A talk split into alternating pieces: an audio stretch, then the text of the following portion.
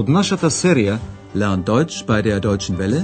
Учете германски со Deutsche Welle, чујте ја серијата Deutsch, warum nicht? Германски зошто не?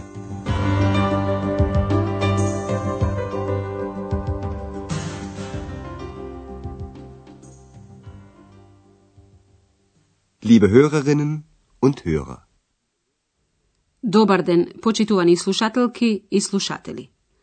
Од втората серија на нашиот радиоговорен курс, наред е лекцијата под наслов Тоа лежи мошне централно.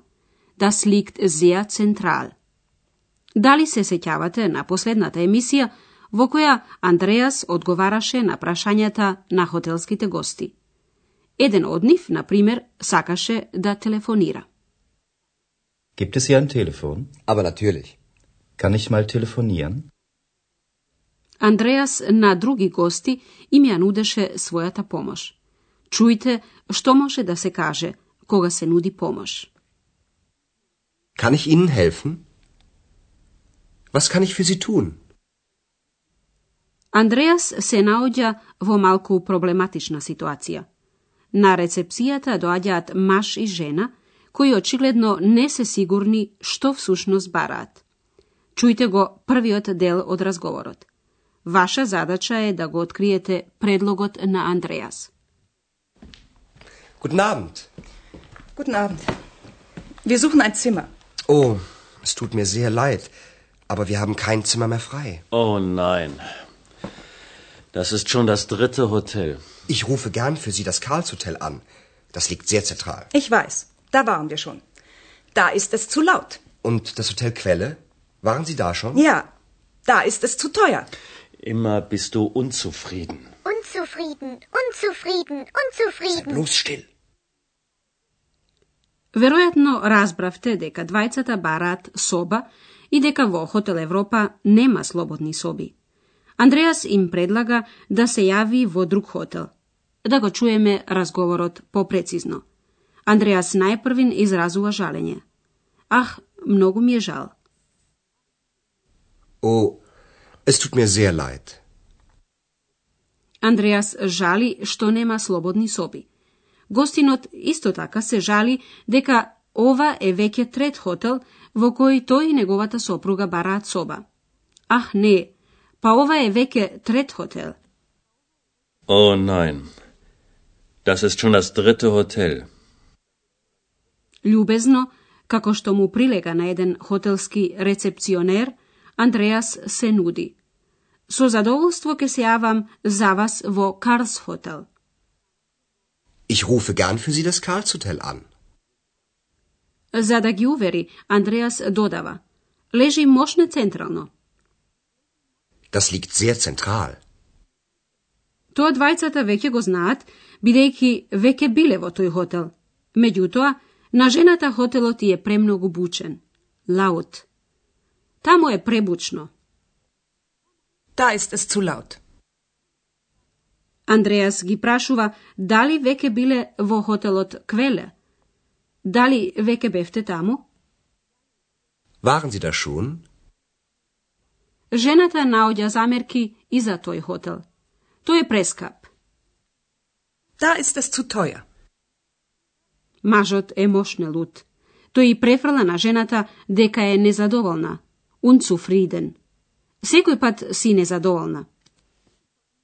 Immer bist du unzufrieden.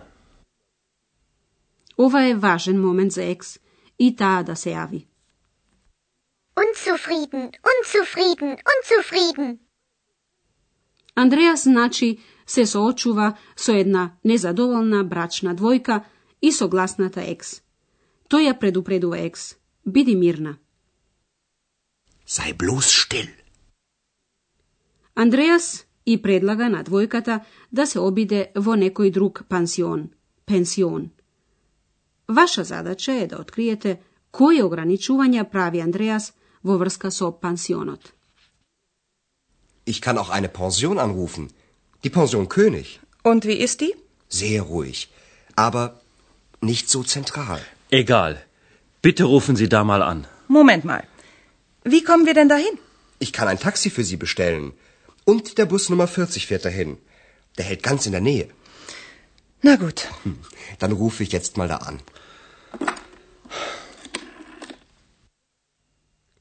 Андреас вели дека пансионот се наоѓа на тивко место, меѓутоа не лежи централно. Да го чуеме диалогот уште еднаш. Андреас предлага еден пансион, панзион. Предлага да се јави во пансионот König. Би можел да се јавам во некој пансион, во пансионот König. Ich kann auch eine Pension anrufen. Die Pension König. Жената се информира за пансионот. Андреас го опишува него.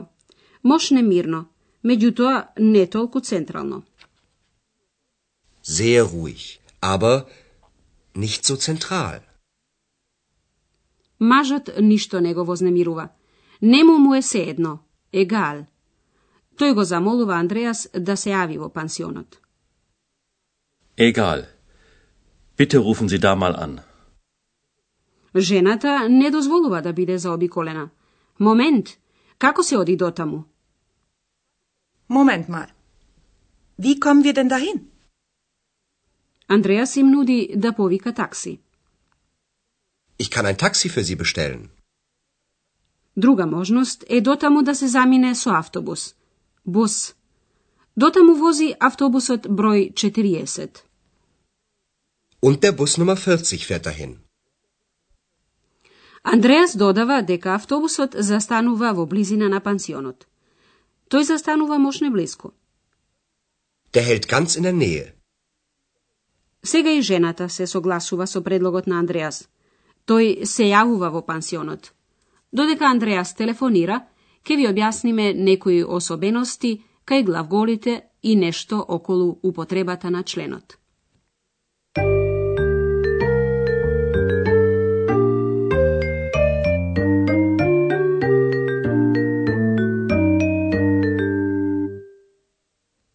Најпрвин да повториме што се кажавме за глаголите во првата серија. Основната форма на глаголот, неопределениот начин, завршува на N. Liegen. Liegen. Знаеме дека глаголите во германскиот јазик имаат завршок. Доколку се употребува друга форма наместо инфинитив, завршокот N ќе се замени соодветно. Во трето лице еднина, глаголот завршува со т. Liegt. Das Hotel liegt sehr zentral. Некои глаголи имаат своји особености. Денеска ги слушнавте глаголите fahren и halten. Fahren. Fahren. Halten. Halten. Овие глаголи во две нивни форми имаат умлаут. Во второ и трето лице еднина од а станува едно е, значи а со две точки. Чујте два примера со трето лице еднина. Fahren. Der Bus Nummer 40 fährt dahin. Halten. Der hält ganz in der Nähe. Уште нешто. Членот може да се употреби и како заменка. Формата на членот останува иста, значи der, die, das. Да ги чуеме примерите уште еднаш. Почнува со членот за машки род, der. Der Bus. Der Bus Nummer 40 fährt dahin. Der hält ganz in der Nähe. А сега во женски род die. Die Pension. Ich kann auch eine Pension anrufen. Die Pension König. Und wie ist die? А сега во среден das. Das Hotel. Ich rufe gern das Karlshotel an.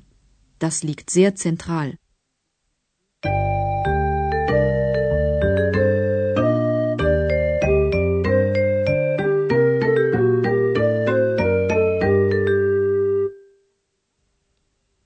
А сега да го чуеме целиот диалог.